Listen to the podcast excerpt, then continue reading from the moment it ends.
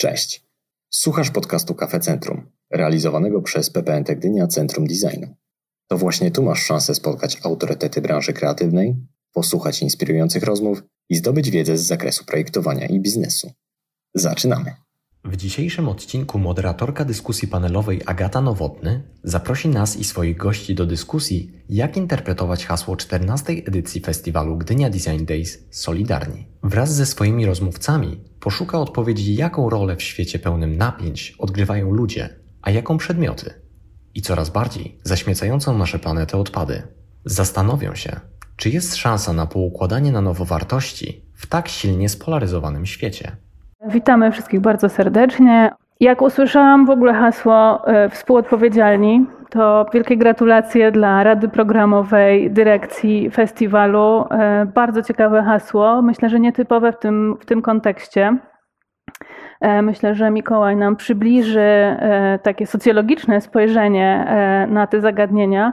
Natomiast Ewa, najpierw bym zapytała Ciebie i poprosiła o, o opowiedzenie o tym w ogóle, skąd to hasło się wzięło, skąd ono Wam przyszło do głowy.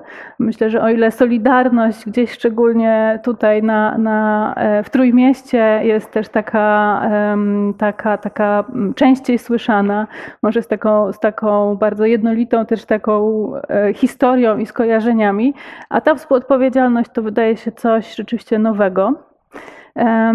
I szczególnie chyba to jest też ciekawy moment, żeby stawiać sobie takie pytania, bo jak myślimy o designie, o projektowaniu, to najczęściej ta uważność e, i namysł wielu projektantów, wielu też badaczy, wielu kuratorów jest na przyszłość. A wy, mam wrażenie, też staracie się bardzo złapać to, co się dzieje tu, teraz, e, dzisiaj, w danym momencie, bo prawda jest taka, że dzieje się tak strasznie dużo rzeczy, których często nie rozumiemy, że wymagają one rzeczywiście namysłu i jakiegoś takiego naświetlenia.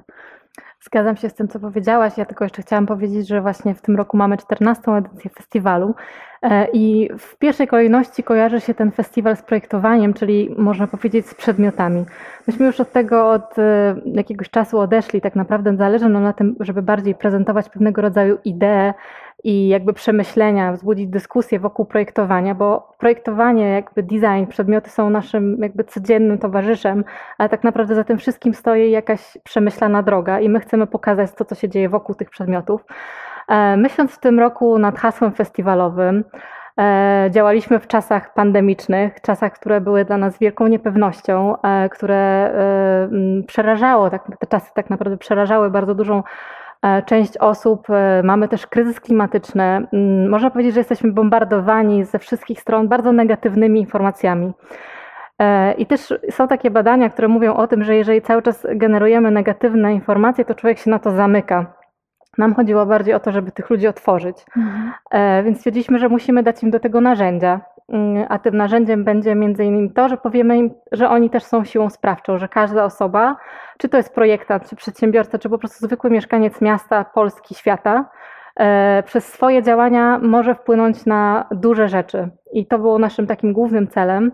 E, I mam nadzieję, że jakby wszystkie te działania, które w ramach festiwalu dzisiaj będziemy prezentować przez cały tydzień, będą właśnie takimi działaniami ale też e, odwołujemy się, to jest jakby trochę głębiej jakby w tym, mm, w tym temacie, odwołujemy się też do miasta, ponieważ e, dla nas e, miasto jest jakby taką naturalną tkanką. My jako Gdynia Design Days mówimy o Gdyni, tak? o mieście, które jest miastem nowoczesnym, miastem, które się zmienia wraz z jego mieszkańcami i chcieliśmy pokazać, że właśnie tkanka miejska jest idealnym mm, takim laboratorium badawczym do testowania zmian, które potem można implementować na szerszą skalę. I właśnie też e, przez to, że mieszkańcy są bardzo mocno zaangażowani, co się dzieje w ich miastach, jest to taka bardzo mocna społeczność, która angażuje się w działania, można testować różne rzeczy i e, jakby mm, z tą społecznością lokalną e, sprawdzać, co się sprawdza, a co nie. Także tak pokrótce można powiedzieć, że o tym jest tegoroczny festiwal. Czyli mamy i planetę, i taki mikrokosmos, mikroświat w postaci miasta, i projektantów, e, i, i przedmioty, które odgrywają w tym projektowaniu ważną, e, ważną rolę. Ja powiem szczerze, przyjechałam specjalnie wcześniej do Gdyni i cieszę się też, że przynajmniej my możemy się spotkać na żywo i że część tych obiektów, tych wystaw rzeczywiście też można obejrzeć w tej tkance miejskiej, w tej przestrzeni miejskiej. Mm, I pewne tropy, mimo że tematy są różne, to pewne tropy wydają się rzeczywiście podobne, pewne e, ścieżki, którymi podążają projektanci, widać, że są podobne, że idą w, w, w podobnym kierunku. Jedną rzecz, którą, e, nad którą zwróciłam uwagę, że oprócz dosyć typowych, takich powiedzielibyśmy, aktorów tej sceny projektowej, jak projektanci, kuratorzy, właśnie coś badacze, nie wiem, ludzie, którzy piszą o projektowaniu, odbiorcy tego projektowania, e, pojawia się nowa chyba rola. E, I chciałabym też Ciebie o to zapytać, jak Ty to widzisz, przetwórców, e, recyklerów, upcyklerów. Nie wiem, czy to są dobre też polskie słowa, pewnie nie, pewnie można by szukać lepszych, ale no właśnie, pokazujemy, że ten świat się zmienia, że ten świat jest dynamiczny, że ten proces projektowy też się zmienia, że być może zespoły projektowe się zmieniają. E, gdybyś mogła też powiedzieć mhm. trochę o takich nowych wyzwaniach, które e, widać już dzisiaj dla typowego procesu projektowego i dla roli projektantów.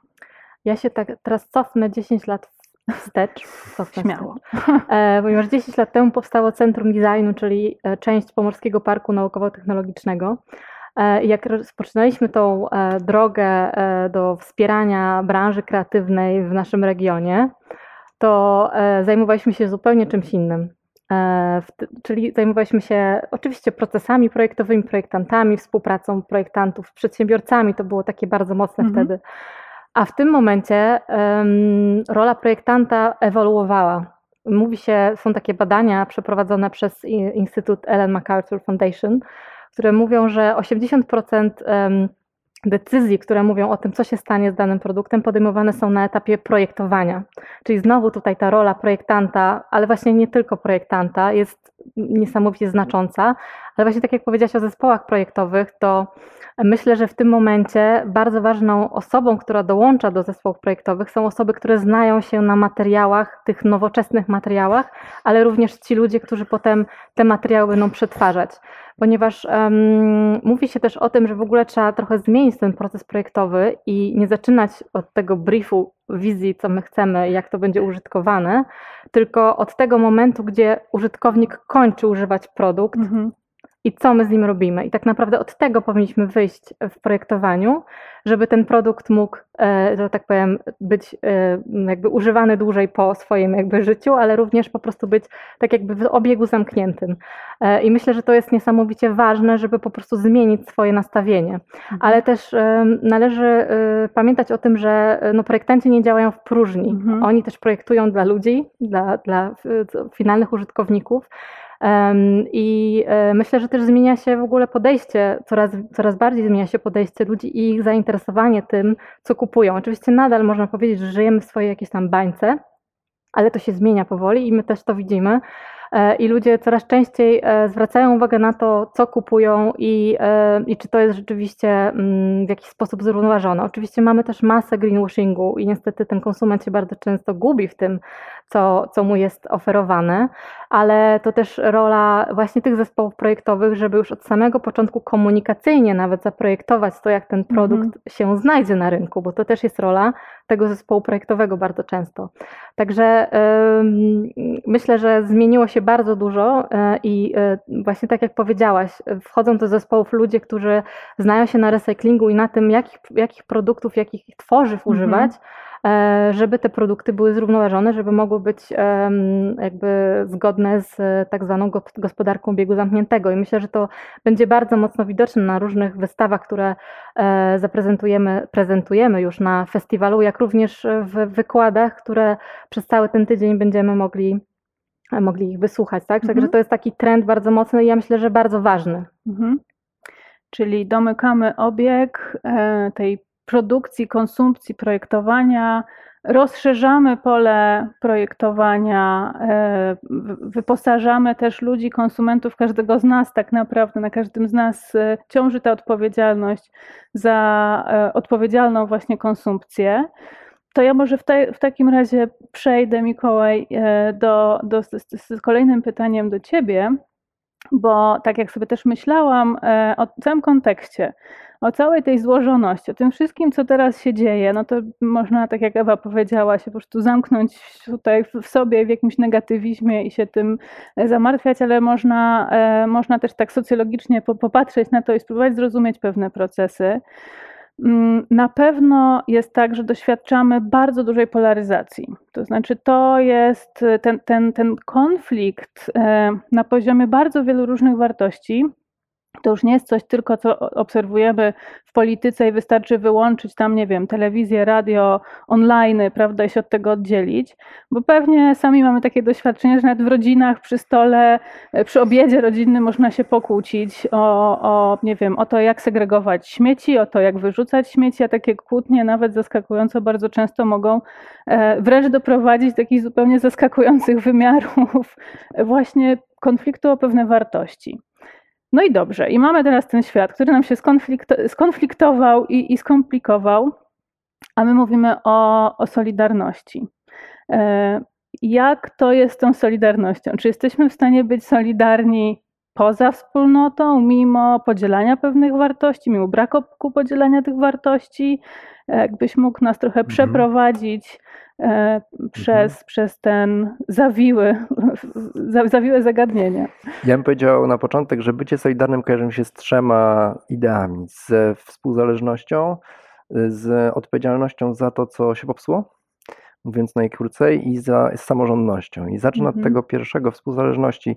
Ja myślę, że my to bardzo dużo mówimy o współodpowiedzialności, o wspólnocie, mhm. dlatego że mamy takie poczucie, że skończyło się, wyczerpało się, wyczerpał się taki ład, w którym byliśmy jednostkami dość zindywidualizowanymi i właściwie żyliśmy w świecie, w którym designer był od tego, żeby dopasowywać zindywidualizowane projekty do zindywidualizowanych potrzeb.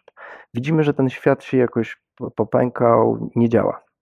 I myślę, że widzimy to i na poziomie państw, które nie są w stanie oferować takich standardów życia, komfortu, jakie były kiedyś. Mhm. To widzimy mocno w Europie Zachodniej. U nas myślę, że to jest debata, która właśnie po takich sytuacjach, jak, jak w tej chwili z, z epidemią, jest też się bardzo mocno naocznie. Pytamy się, do czego, na co płacimy, kiedy mówimy o służbie zdrowia i tak dalej, i tak dalej.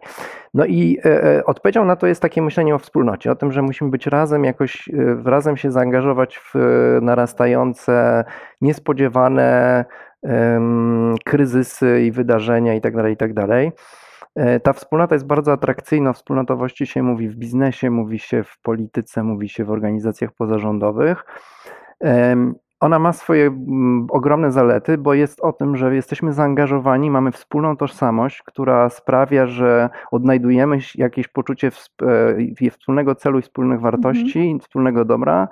E, to jest emocjonalne. Jak teraz pomyślimy o momencie, w którym jesteśmy, i pomyślimy o, o Mistrzostwach Europy, no to widzimy mnóstwo kibiców, którzy dla swoje, nawet jeśli nie lubisz piłki, nawet jeśli nie oglądasz żadnej ligi, to jest taki moment, kiedy czujesz, że powinieneś w tym uczestniczyć, że te emocje, które się wiążą ze współbyciem, współoglądaniem jakoś są ważne. No ale ta, ta tożsamość, ta wspólnotowość mocna ma swoje e, wady, które też są teraz widoczne właśnie w polaryzacji. To znaczy, jeśli masz mocną e, tożsamość, to też bardzo mocno ją bronisz i ją definiujesz bardzo często wobec kogoś, kto jest inny. Stąd głównym problemem dzisiaj paradoksalnie nie jest sama wspólnotowość, tylko to, że mamy do czynienia ze wspólnotowością, która dość mocno wyklucza i która jest budowana na zasadzie bardzo ostrych e, przeciwieństw.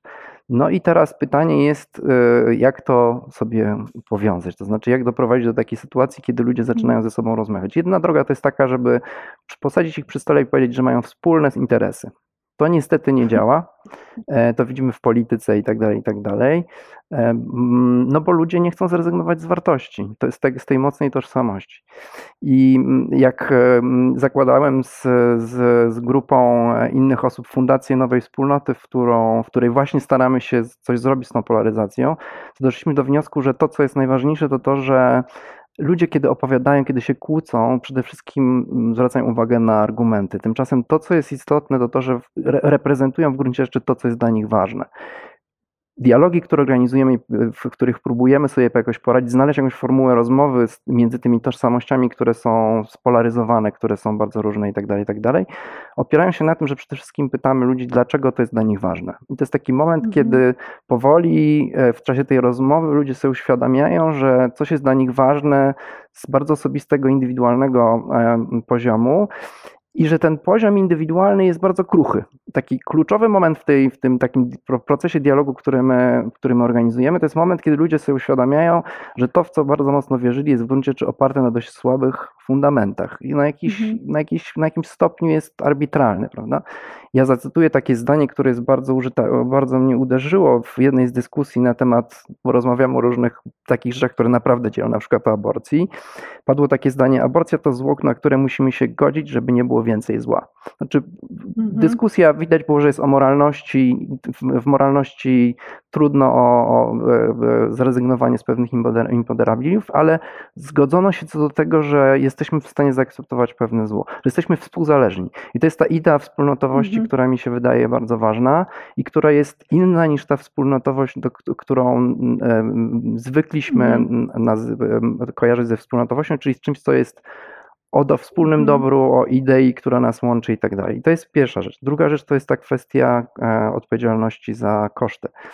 Prawdopodobnie, kiedy mówimy o solidarności, to wielu z nas jeśli nie jesteśmy tylko w Gdańsku, Gdyni, mm. w Trójmieście, wcale nie, niekoniecznie musimy myśleć o NSZ Solidarność i ruchu związkowym, ruchu społecznym, tylko o tym, że solidarnie ponosimy koszty. To jest taki mm -hmm. termin, który się pojawia w umowach i tak naprawdę oznacza mniej więcej tyle, że strony różne zgadzają się na to, że kiedy coś nie wyjdzie, solidarnie poniosą koszty, nie, za, nie zastanawiając się albo nie dochodząc, kto jest za to odpowiedzialny. To jest sytuacja, w której dzisiaj mamy absolutnie, jakby to jest moim zdaniem kluczowa rzecz, czyli mamy do czynienia ze zjawiskami, które są nieprzewidywalne, których e, efekty są odłożone, czy których przyczyny są odłożone w czasie, epidemia, będziemy długo dochodzić prawdopodobnie, kto, kto jest za nią odpowiedzialny. Natomiast wiadomo, że dzisiaj jest odpowiedzialny w sensie, kto ją zaczął. Natomiast wiemy dzisiaj, że musimy coś z tym zrobić.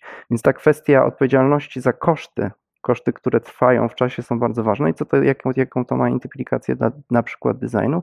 No taką, że właśnie tak jak powiedziała Ewa, ta, ten końcowy moment, kiedy coś jest już zużyte albo jest tak traktowane, spełniło swoją podstawową funkcję, jest momentem odpowiedzialności, jest momentem, kiedy okazuje się, że jest cykl życia przedmiotów, cykl życia procesów, w których w których uczestniczymy. No i wreszcie ta samorządność, ona mi się kojarzy bardzo mocno jednak z z tym, co dla e, Gdyni bardzo bliskie, czyli Solidarnością jako ruchem społecznym.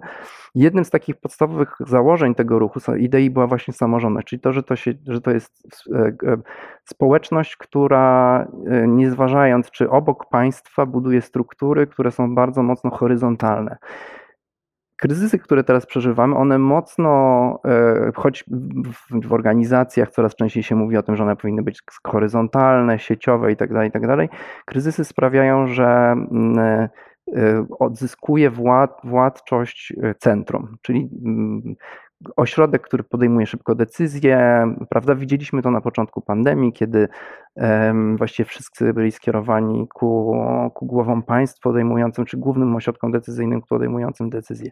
No i teraz, i teraz widać wyraźnie, że to jest to niebezpieczeństwo dla wspólnoty, które, z którym musimy sobie poradzić, czyli takiej centralizacji i zamknięcia. Czy mogę Ci na mhm. chwilę przerwać, żeby też dobrze zrozumieć tę myśl, że podajesz przykład e, taki polityczny, który myślę, że mhm. jest dobrze znany, ale rozumiem, że e, on jest pewnym mechanizmem, który też może działać gdzie indziej. To mhm. znaczy wszędzie tam, gdzie te małe wspólnoty e, nie wiem, tracą zasięg w pewnym sensie, to właśnie łatwiej operuje to centrum, tak? Jakieś silne, mhm. władcze, decyzyjne, sprawcze i tak dalej. Mhm. Mhm. W związku z tym, jak myślę o Solidarności, to myślę o tym, że każdy kryzys kończy się stratą kogoś, utratą i stratą. I jak myślę o współodpowiedzialności, to myślę o tym, że tak naprawdę cała Solidarność polega na tym, że my troszczymy się o tych, którzy w trakcie tych kryzysów przegrywają, mhm. wypadają ze wspólnoty i tak mhm. dalej, i tak. To są te efekty, które wynikają z tego, że w czasie kryzysów jednoczymy się, integrujemy się, ale w ramach jakiejś określonej społeczności. Wszystko jedno, Mhm. czy to jest firma, czy to jest rodzina, czy to jest państwo. Staramy się skupić przede wszystkim na tym, żeby e, trzymać się razem, ale w ramach tej e, określonej wspólnoty i wzmacniamy granice. Mhm. I tu wydaje mi się, że znowu e, Trójmiasto jest bardzo fajnym przykładem tego, co można z tym zrobić. Jest w, w Trójmieście działa Centrum Wspierania Imigrantów i Imigrantek i ono ma piękne hasło misji. E, Misją centrum jest tworzenie miasta, w którym każdy bez względu na kraj pochodzenia czuje się bezpiecznie i, może rozwijać swój potencjał. No i to dla mnie jest właśnie clue tego typu organizacji, które służą temu, żeby osoby, które zostały wykluczone z jakichś wspólnot, przemieszczają się w tej chwili już na skalę globalną, znajdują, znajdują takie miejsca, gdzie, gdzie jakby pomimo tego, że nie są póki co częścią wspólnoty, są w niej Mhm. akceptowane albo przynajmniej znajdują jakieś, Mhm. jakieś e, wejście do niej, Mhm. tak, o, to są w miarę otwarte. Mhm. Słuchając Was, e, pomyślałam sobie jeszcze jednej rzeczy. Mówimy głównie o ludziach. Jeśli Mhm. o rzeczach, to o tych, e, o, o- o rzeczach, które są wytwarzane przez ludzi. A gdyby tak, poszerzyć trochę pole tej współodpowiedzialności i włączyć do tego obiegu współodpowiedzialności też te obiekty, też ten świat taki nieożywiony. Ja już nawet nie mówię o zwierzętach, bo ten dyskurs taki o tym, żeby e, poszerzać te, te wspólnoty też o zwierzęta, że zwierzęta mają swoje prawa, e, że, że nie wiem, projektowanie dla zwierząt, czy, czy uwzględniające zwierzęta, to też jest taka dziedzina, która się rozwija, ale tak sobie pomyślałam, że może ten przykład mm, przedmiotów, rzeczy, no, które trudno pomyśleć, że one mają jakieś prawa i że mają jakąś sprawczość, prawda? No, ale jeśli mówimy o tym domykaniu obiegu, o tym byciu odpowiedzialnym za to, co z tą rzeczą się stanie na końcu, prawda? Jak ona się zestarzeje, jak ona się będzie, nie wiem, degradowała, biodegradowała, może nie będzie i zostanie z nami na zawsze jeszcze dużo, du- dużo dłużej niż w ogóle my będziemy żyć, prawda? Że być może warto włączyć jeszcze w tę opowieść e, też, e, też obiekty, też rzeczy. Jak wy na Ja to? myślę, że, że to jest jakby oczywiste, że my musimy, e, doszliśmy do takiego momentu, że nie możemy myśleć o rzeczach tylko wtedy, kiedy je używamy. To, tego już od nas jakby wymaga obecna sytuacja i o to, że po prostu e, tak bardzo zaśmiecamy różnymi właśnie rzeczami naszą przestrzeń.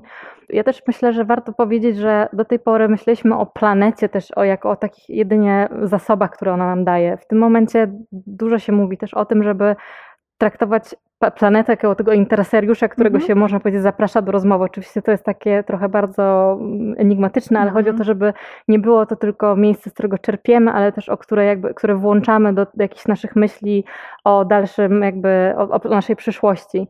Także Przepraszam, zapytam się od razu, czy to jest to, co się nazywa projektowaniem planetocentrycznym? Myślę, to- że tak, można to nazywać, wiesz, jakby to też jest tak, że tych nazw, te, nazw teraz bardzo i terminów bardzo dużo powstaje. Myślę, że to, co powiedziałaś, jakby odpowiada temu, co ja chciałam opisać, także Mhm. zgadzam się z Tobą jak najbardziej. E, czyli tak jakby traktujemy, e, mówimy o projektowaniu planetocentrycznym, a to się potem już przekłada na taką codzienną pracę. Ja się też odniosę właśnie do tych rzeczy, o projektowaniu cyrkularnym, którym ja tutaj bardzo, bardzo dużo będę mówić, ponieważ ja uważam, że to jest przyszłość jakby w ogóle projektowania i przyszłość naszego życia, ponieważ e, populacja świata rośnie, e, zapotrzebowanie na różnego rodzaju przedmioty będzie rosło, a zasoby nam się bardzo mocno kurczą. Także e, musimy cały czas myśleć o zasobach, o materiałach, zasobach jako czymś, co się musi jakby zamknąć w tej naszej pętli. E, e, I e, nie możemy w ogóle myśleć o tym, że te przedmioty kiedyś staną się śmieciem. My musimy o nich myśleć w tej długiej, w długiej perspektywie wartości. I to się już powoli dzieje na, nie, na niektórych etapach, ale to jest bardzo trudne, bo to też Mhm. jest tak, że mam wrażenie, i to jest z jednej strony dobre, ale ma też tą drugą stronę, że jest bardzo duży ruch i jakby presja społeczna na to, żeby firmy w tym momencie totalnie zmieniły swoją, swoje podejście i żeby właśnie działały e, w sposób zrównoważony. I oczywiście część firm w ogóle to jakby odkłada sobie na półkę. Myślę, że te firmy długo jakby nie przetrwają, ale Mhm. jest też dużo firm, które zaczynają działać jakby zgodnie ze zrównoważonym rozwojem, ale nie jest to też takie proste, ponieważ bardzo dużo mechanizmów jeszcze nie działa na taką skalę, żeby na przykład teraz można było produkować wszystko w taki sposób, żeby ono było zawsze e, możliwe do recyklingu i żeby można było to ponownie wykorzystywać na masową skalę, bo ja Mhm. nie mówię o jakichś małych kolekcjach czy też małych liniach produkcyjnych, ale właśnie o, o czymś takim. E, I właśnie też jeszcze wrócę do Solidarności. Mam wrażenie, że Solidarność to nie powinno być tylko wymaganie, żeby coś się zadziało, ale ta Solidarność powinna być też taka, że ja od siebie coś daję. Czyli wchodzę w interakcję, współdziałam, e, jestem gotowy do rozmowy, a nie zamykam się właśnie w tej bańce mojej wartości. Mhm. To jest bardzo trudne, bo sama odniosę się do siebie. Oczywiście, że mam pewne wartości, które będzie mi bardzo trudno e, pewnie zmienić, jeżeli ktoś mnie zapyta, czy ja mogłabym inaczej, tak? Mhm. Czyli, mhm. E, a pomimo tego, że uważam się za dosyć świadomą osobę, która, która dziś jakby myśli wiele, e, na co dzień o, o wielu aspektach z tym związanych. Także właśnie ta solidarność mówi o tym, że powinniśmy wychodzić ze swoich małych mhm. kręgów i starać się zrozumieć tą drugą osobę, i to mówię w takim kontekście, że na co dzień, ale również w kontekście trochę większym, właśnie gdzie e, mówimy o różnych firmach, które coś zmieniają, o tym, że oczywiście fajnie jest je punktować, ale też, żeby pomagać im się zmienić. Zabawne, że wspomniałaś o tym, bo dokładnie tego dotyczy jedno z pytań, które już otrzymaliśmy. Pytanie brzmi, czy łączenie się we wspólnoty nie niesie ryzyka, że będziemy funkcjonować we własnych małych bańkach? I myślę, że zadam je Mikołajowi. To jest mm, bardzo trafne pytanie, które nawet jest nie tyle będziemy, co już funkcjonujemy mm, w bańkach. No I to jest, e, to jest zasadniczy problem który jest też związany z tym, jak się komunikujemy, jak się porozumiewamy z komunikacją cyfrową, po prostu, która skłania nas ku temu, żeby e, osiągać tę wspólnotowość, która daje sprawczość, mhm. daje poczucie wpływu, daje poczucie celu i tak dalej, i tak dalej, i takich właśnie emocjonalnego zaangażowania, w relatywnie wąskich kręgach. I ja myślę, że te, nawet jeśli patrzymy na, na właśnie tę, komunikację, no to, to jest nie tylko problematyczne z punktu widzenia właśnie tego, o którym mówiliśmy, zamykania się w swoich wartościach, ale też utrzymywania różnorodności, bo jeśli coś wie, wie daje socjologia, jeśli chodzi o e, to, kiedy sieci i sieciowość dobrze funkcjonuje, która była hasłem tej e, e, Gdynia Design Days parę lat temu, no to to, że sieć, żeby była, żeby przynosiła dużo rozwiązań, żeby wytwarzała te różne wspólnoty, ona musi być różnorodna. A ta różnorodność powstaje dzięki temu, że się komunikują ze sobą ludzie, którzy w, działają w różnych wspólnotach i różnych grupach. Im bardziej będziemy zamykali te wspólnoty w obronie własnych wartości, tym mniej połączeń między nimi i tym więcej i tym w gruncie rzeczy mniejsza tak zwana żywotność sieci, która zapewnia jej e, do, dobre dostosowanie się do, do otoczenia, czyli do zmieniających się warunków, mhm. kryzysów klimatycznych itd., tak itd. Tak czyli jeśli szukamy innowacji na przykład, to żeby ta innowacja funkcjonowała jest potrzebna różnorodność, a nie zamknięcie w takiej silnej tożsamości. Mhm. Mamy też e, jedno takie pytanie, które wydaje się bardzo zasadne w tym kontekście, bo myślę, że wiele osób może siedzieć, słuchać, e, otwierają się kolejne ścieżki, kolejne pomysły, e, kolejne klapki gdzieś tam, ale jednocześnie pozostaje takie pytanie, co ja mogę zrobić, co my możemy zrobić samodzielnie, bo jednak, mimo że mówimy o współodpowiedzialności, która wymaga tych właśnie tego sieciowania, tego wspólnotowienia, tych wspólnych wartości, wspólnych działań, no to jednak każdy z nas jest też po prostu jednostką i jest odpowiedzialny sam za siebie na początku, prawda? Więc pytanie, co możemy, co każdy z nas może samodzielnie zrobić. Każdy z nas jest w pewien sposób w pewnym momencie klientem, tak? I ma decydujący wpływ na to, co kupuje, a jak, i potem jak tego używa, czyli e, też jest oczywiście trudno wymagać, żeby ludzie wiedzieli dokładnie wszystko o tym projekcie albo produkcie, albo usłudze, którą jakby kupują, ale jednak przy minimalnym jakby wysiłku, poświęceniu odrobiny czasu jesteśmy w stanie zadecydować chociażby robiąc zakupy, jak to będzie dalej wyglądało, jakie są nasze właśnie, te nasze decyzje będą wpływać na, na przyszłość, ale też myślę, że takie codzienne po prostu nasze, nasze zachowania, tak? E, mówiliśmy o segregowaniu śmieci, że to może nawet rodziny poróżnić i myślę, że to zdecydowanie tak się w wielu miejscach dzieje, więc może nie próbujmy wpływać na wszystkich, tylko róbmy sami dobrze, tak? I jeżeli oczywiście nam się uda do tego zaprosić więcej osób, to fajnie, ale jeżeli nie, no to też się nie zrażajmy, bo często też się słyszy, no dobrze, co ja jedna mała mróweczka mogę zrobić? No mogę wiele, ponieważ już ode mnie coś się zaczyna, może ktoś to zobaczy, może podchwyci mój entuzjazm, e, może jakby będzie chciał robić to, co ja. Także uważam, że możemy i pomimo tego, że to jest malutka kropla, w mhm. wodzie to jednak um, zawsze to ma znaczenie. Mhm. Ja zacznę od osobistego, do osobistej refleksji Jak myślałem o tym, co ze mną zrobiła pandemia, zamknięcie i tak dalej, to pomyślałem, sprawiła, że mam mniej przyjaciół. Mhm. I że e, w, w trakcie tego radzenia sobie z całą tą sytuacją działo się to kosztem różnych relacji, które były dla mnie bliskie, które oczywiście ten czas zweryfikował, ale oznaczało to, to mniej więcej oznacza tyle, że teraz jest moment, kiedy ja mam, właśnie nie wracam do normalności, tylko tak naprawdę muszę naprawić coś, co zostało za, coś, co było ważne. E, I właśnie o to mi chodziło z tą, z tą restytucją, z tym drugim sensem naprawiania kosztów. Wydaje mi się, że to jest bardzo ważne, dlatego że my jesteśmy przyzwyczajeni do tego, żeby być odpowiedzialnym za to, co my robimy to znaczy ja osobiście robię. A w tym pomyśle na e, odpowiedzialność za koszty e, prze, e, kryje się taka idea, że nie pytasz się o to, kto jest winien, tylko razem starasz się naprawić to, co się stało. I to pytanie o naprawi, o naprawianie, o to, co trzeba teraz zrobić, także z moim wewnętrznym przekonaniem zawiodłem kogoś, oznacza mniej więcej tyle, że raczej powinienem myśleć do przodu o tym, co, jak mogę to naprawić, a niekoniecznie o tym, kto tak naprawdę zawinił. Czy to ja nie zadzwoniłem do mojego przyjaciela, czy może on się ze mną niezbyt często kontaktował, e, ale oczywiście to nie dotyczy tylko relacji bliskich i przyjaźni i tego typu rzeczy, to dotyczy szerszych problemów właśnie takich jak odpowiedzialność za zanieczyszczenia e, i za to podwtórne życie przedmiotów.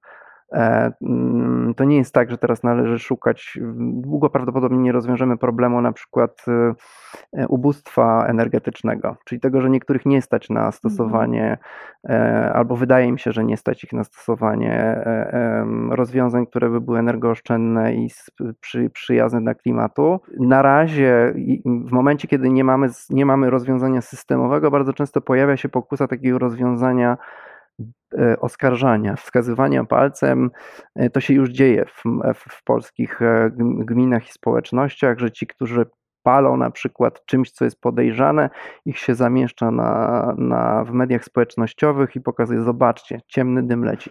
Jest to jakiś sposób na rozwiązanie mhm. problemu, który jest, y, wymaga działania i tak dalej, i tak dalej, ale to jest właśnie to, co, o czym mówię, tak? To jest to szukanie przede wszystkim winnego stanu, w którym się znaleźliśmy, a wydaje mi się, że cała, cały klub polega na tym, że bardzo często te problemy, z którymi się konfrontujemy, właśnie nie mają jednego winnego. W związku z tym trzeba moim zdaniem się przedefiniować raczej ku myśleniu o tej, o tej naprawie. Co to też oznacza w praktyce?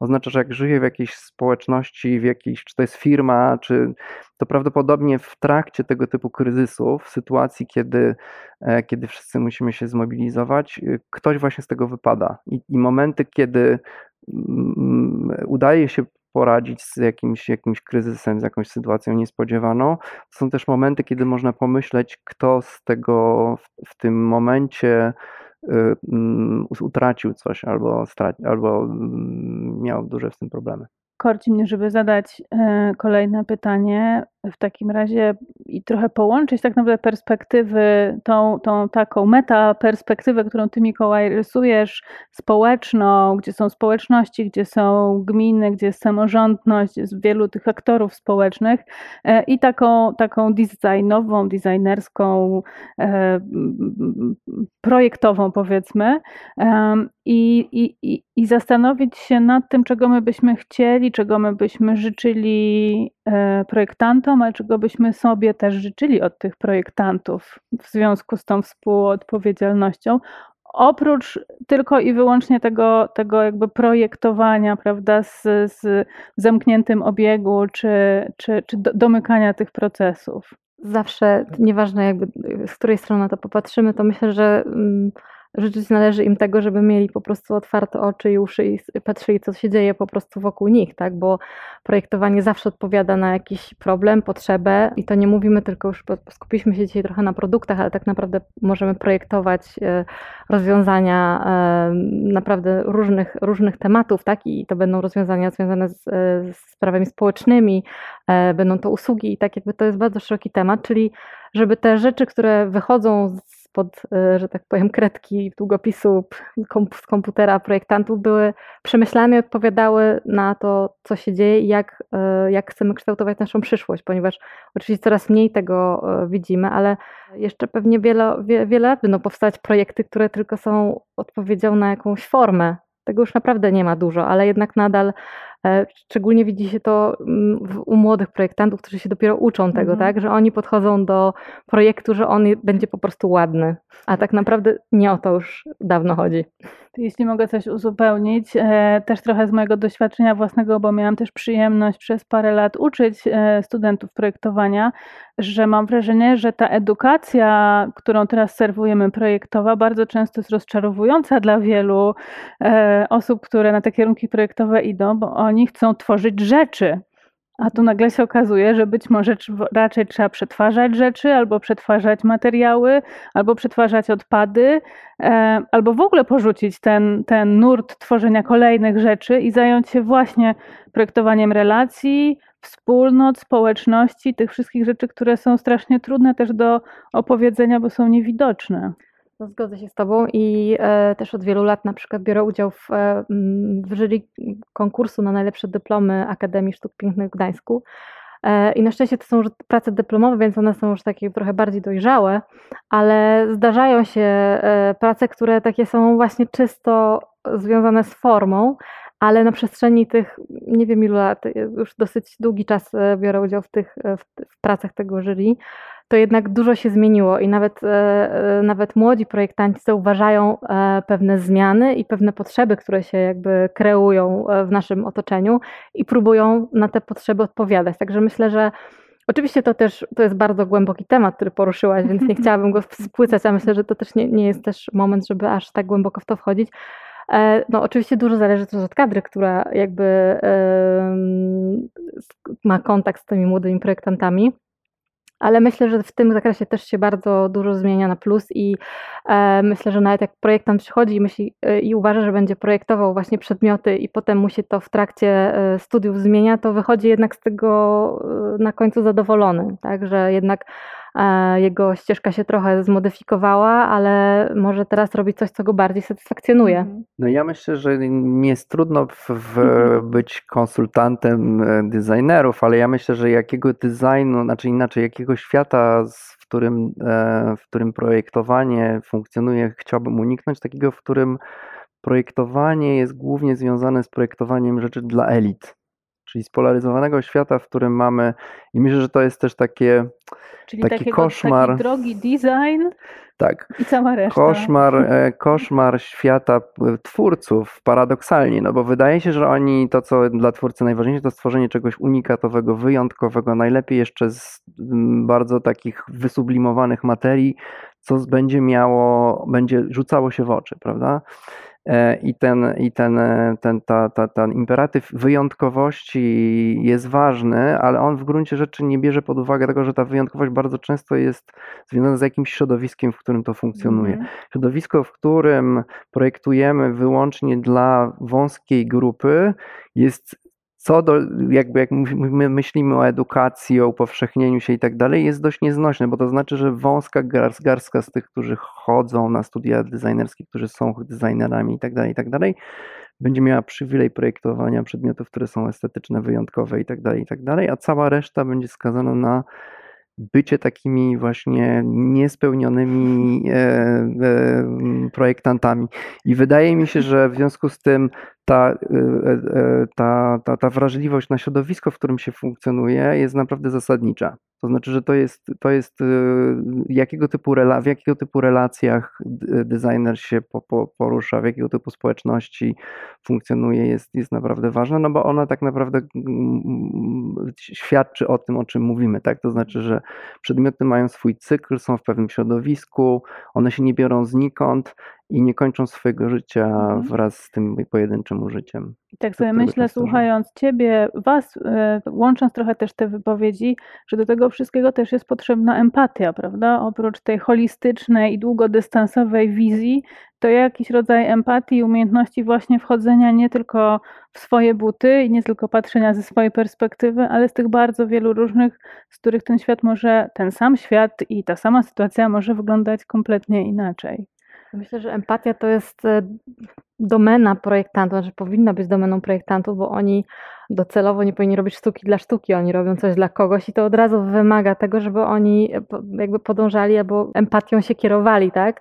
Także myślę, że to jest e, nieodłączna e, funkcja, jakby cecha mhm. projektantów, że oni muszą być bardzo empatyczni, muszą e, wejść jakby w buty tego, dla kogo projektują. To się jakby mówi nawet w takiej metodzie design thinking, że tak naprawdę ta empatia pozwala ci dopiero do, zrobić dobry projekt, tak? Bo ty wchodzisz w środowisko, wchodzisz jakby w buty tego użytkownika i dopiero wtedy starasz się dla niego coś zaprojektować. Ja myślę sobie, że mm, tak jak idea zrównoważonego rozwoju kojarzy się po pierwsze z balansem, tak, że z tym, że jest coś w, jakimś, w jakiejś równowadze, równowadze, produkcja z konsumpcją, natura z kulturą itd., tak itd., tak to teraz żyjemy w czasie, w którym modne stało się pojęcie odporności, które zakłada, że mamy do czynienia z turbulencjami, które sprawiają, że ten porządek takiego mhm. zrównoważenia się bardzo zakłóca. I, I, to jest ten porządek, w którym chodzi o to, żeby nagle polegać na czymś, co jest szkieletem, co jest takim mocnym, mocną konstrukcją, tak jak w kablułie samolotu, który jest wyzwany, wystawiony na działanie turbulencji. Mamy taką taki szkielet, który trzyma trzepoczących skrzydła i prawie że podlegający jakimś gigantycznym obciążeniom kadłub. No i to są te momenty, kiedy, tak jak już wspomniałem, myślimy przede wszystkim o tym, co jest mocne, a w gruncie rzeczy, tak jak wspomniałem, ten moment, który jest kluczowy do tego, żeby e, zrozumieć, że jest jeszcze środowisko, jest jakieś funkcjonowanie otoczenia, no to, to jest ten moment, że świadomie sobie kruchość tej, tej, tej, tego całego tego całego ładu, w którym jesteśmy i przyznajemy się do, też do takich momentów, kiedy coś nie wychodzi. To jest ten taki moment empatii, polega na tym, że zgadzamy się na to, że nie zawsze będzie nam wychodziło. Mhm. E, mam tutaj kilka pytań. E, dziękujemy bardzo za te pytania, które przychodzą od Państwa. E, jedno pytanie jest o to, jak możemy rozmawiać o tych tematach w taki konstruktywny sposób, nie strasząc, tylko może zachęcając, wspierając, wzmacniając nas w pewnych pozytywnych działaniach. A, a mamy też kilka pytań o to, czy są jakieś nasze cechy, nasze kulturowe, nie wiem, nas Polaków, czy może szerzej Europejczyków, czy w ogóle ludzi, e, jeśli w ogóle w takiej kategorii społeczności globalnej możemy e, mówić, e, które nam w tym pomogą, które nas będą wspierać w takich działaniach konstruktywnych. Ja jeszcze raz odwołam się do tego, do tej, do tego mojego doświadczenia w współpracy i działania w Fundacji Nowej Wspólnoty. Rzeczywiście jest tak, że mm, tak jak wspomniałem już, te, te mocne tożsamości powstają przez mocną, czyli takie mocne zaangażowanie i poczucie przynależności powstaje w, w opozycji. I tutaj wydaje mi się, że kluczowe jest to, żeby zobaczyć, że ta wspólnotowość, w niej nie chodzi tak naprawdę o bronienie wyłącznie swoich racji, swoich wartości, tylko e, bronienie no właśnie pewnego, pewnego odpowiedzi na pytanie, co dla mnie jest najważniejsze. E, e, w sensie, co mnie trzyma w, w, w, w świecie i, i, na ile jestem w stanie oddać, kiedy, kiedy, kiedy, kiedy jestem skonfrontowany mhm. z, z, z, jakimś zupełnie odrębnym wyobrażeniem. I myślę, że tutaj ważne jest to, żeby wiedzieć, że mm, żeby nie odwoływać się do takiego przekonania obiektywności. Z badań Michała Bilewicza i zespołu e, funkcjonującego w ramach Centrum Badaniu nad Uprzedzeniami wiemy, że bardziej dehumanizujący i bardziej E, wykluczający są ci, którzy uważają się za bardziej oświeconych w Polsce, czyli tych, którzy stoją na straży praworządności, demokracji i e, obiektywności nauki itd. Tak itd. Tak I z badań, które przeprowadził zespół e, Centrum, widać, że to są, że ta grupa bardziej dehumanizuje grupę, która jest po drugiej stronie, niż ta, która jest uważana za bardziej agresywną, e, ekspansywną i mniej tolerancyjną. Więc taki wewnętrzny rachunek sumienia tu jest kluczowy. To bardzo ciekawe rzeczywiście te, te wyniki, o których e, mówisz. Ewa? Ja postaram się odpowiedzieć na to drugie pytanie, chociaż nie jest ono proste, ale jak tutaj słuchałam wypowiedzi Mikołaja, to pomyślałam sobie o tym, że bardzo często się mówi, ja powiem o takich polskich cechach, które może nam się tutaj przydadzą, o tym, że jakby Polak e, jest taki kreatywny, że zawsze coś tam sam wymyśli i jakby mm. potrafi. I mm, myśmy kiedyś nawet mieli na GDD taką wystawę, która pokazywała samo jakby takie, taki design, który tworzą ludzie pod, pod wpływem potrzeby, która pojawia się któregoś dnia. To się nazywało bardzo ciekawie Wichajstry, Pipanty, jakiś tak, tak była nazwana ta wystawa. I ona pokazywała właśnie tą kreatywność takich domorosłych designerów, powiedziałabym. I myślę, że to może być e, ciekawa cecha. Nie wiem, czy ona jest e, bardzo mocno teraz pielęgnowana, bo to też pokazywało takie jakby projektowanie ludzi, którzy mieli już tam około 50 lat, dajmy na to. E, ale myślę, że to coś takiego w nas jest, że, że my jesteśmy tacy może trochę niepokorni czasami i dzięki temu wymyślamy coś nowego. E, więc takie, takie cechy pozwolą nam e, jakby odnajdywać się w tak szybko zmieniającym się świecie. Myślę teraz jeszcze o jednej rzeczy a propos włączania i e, opierania się na takich pozytywnych, właśnie konstruktywnych działaniach. I też w nawiązaniu, Ewa, do tego, co Ty powiedziałaś, że z tego e, też trzeba sobie umieć zdawać sprawę, że to jest jakaś wartość, prawda? Znaczy wspomniałaś o tym, że było jakieś działanie grupy pewnie, nie wiem, kuratorów, też badaczy, obserwatorów tego życia społecznego, które dostrzegło e, tą kreatywność oddolną. Ja się zastanawiam, czy, czy ludzie, którzy to rzeczywiście tą kreatywność mają na co dzień, to sobie tak zdają sprawę z tego i wiedzą, że tak, to jest moja mocna po prostu strona, to jest moja siła, to jest mój zasób, którym też, nie wiem, wzmacniam świat, wnoszę coś nowego do tego świata. Być może też potrzebujemy takiego, nie wiem, zachęcenia i takiej afirmacji e, tych naszych cech.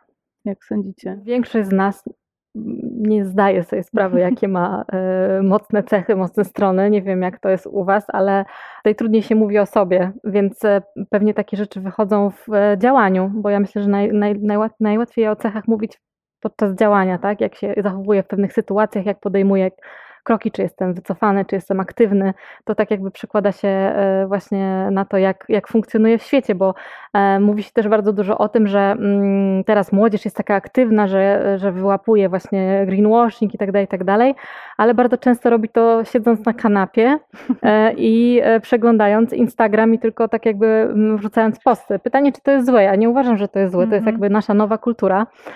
I teraz pytanie, czy on, czy taka osoba na przykład jest bardziej odważna niż ten, który idzie na manifestacje, czy, to, czy można to porównać. E, mhm. Więc to pytanie jest dosyć, dosyć szerokie, powiedziałabym, i na pewno trudno samemu mówić o swoich jakby swoich cechach. I myślę, że osoby, które na przykład pokazywały pracę na tej wystawie, o której wspomniałam, nie powiedziałyby nigdy o sobie, że są kreatywne. Myślę, że to byłaby jakaś tam daleka, daleka cecha, jeżeli miały nawet by listę cech do wyboru. No właśnie o tym pomyślałam i być może jakimś jednym z konstruktywnych, takich też indywidualnych działań jest umiejętność doceniania innych i na każdym kroku e, też dostrzegania tych zalet i tych, tych zasobów, z których ta druga strona może sobie nie zdawać sprawy. No, termin innowacja, innowacyjność, kreatywność paradoksalnie jest dość wykluczający. To mhm. znaczy, mm, te osoby, o których e, mówiła Ewa, e, rzeczywiście mm, niekoniecznie by się w nich odnalazły, a prawdopodobnie to jest to, co byśmy nazwali e, kreatywnością. W tym sensie też ja myślę, że takim, taką, taką pracą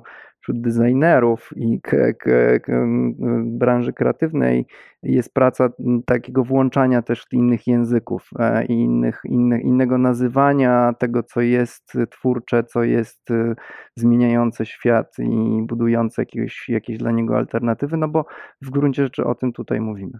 I tym e, zdaniem, to, tymi odpowiedziami zakończymy to spotkanie. Bardzo Wam e, dziękuję. Jeśli nie domknęliśmy różnych kwestii, to przepraszamy, ale też nie taki był cel. Cel był raczej, żeby e, otworzyć i postymulować trochę to myślenie i urefleksyjnić trochę bardziej nasze codzienne zachowania.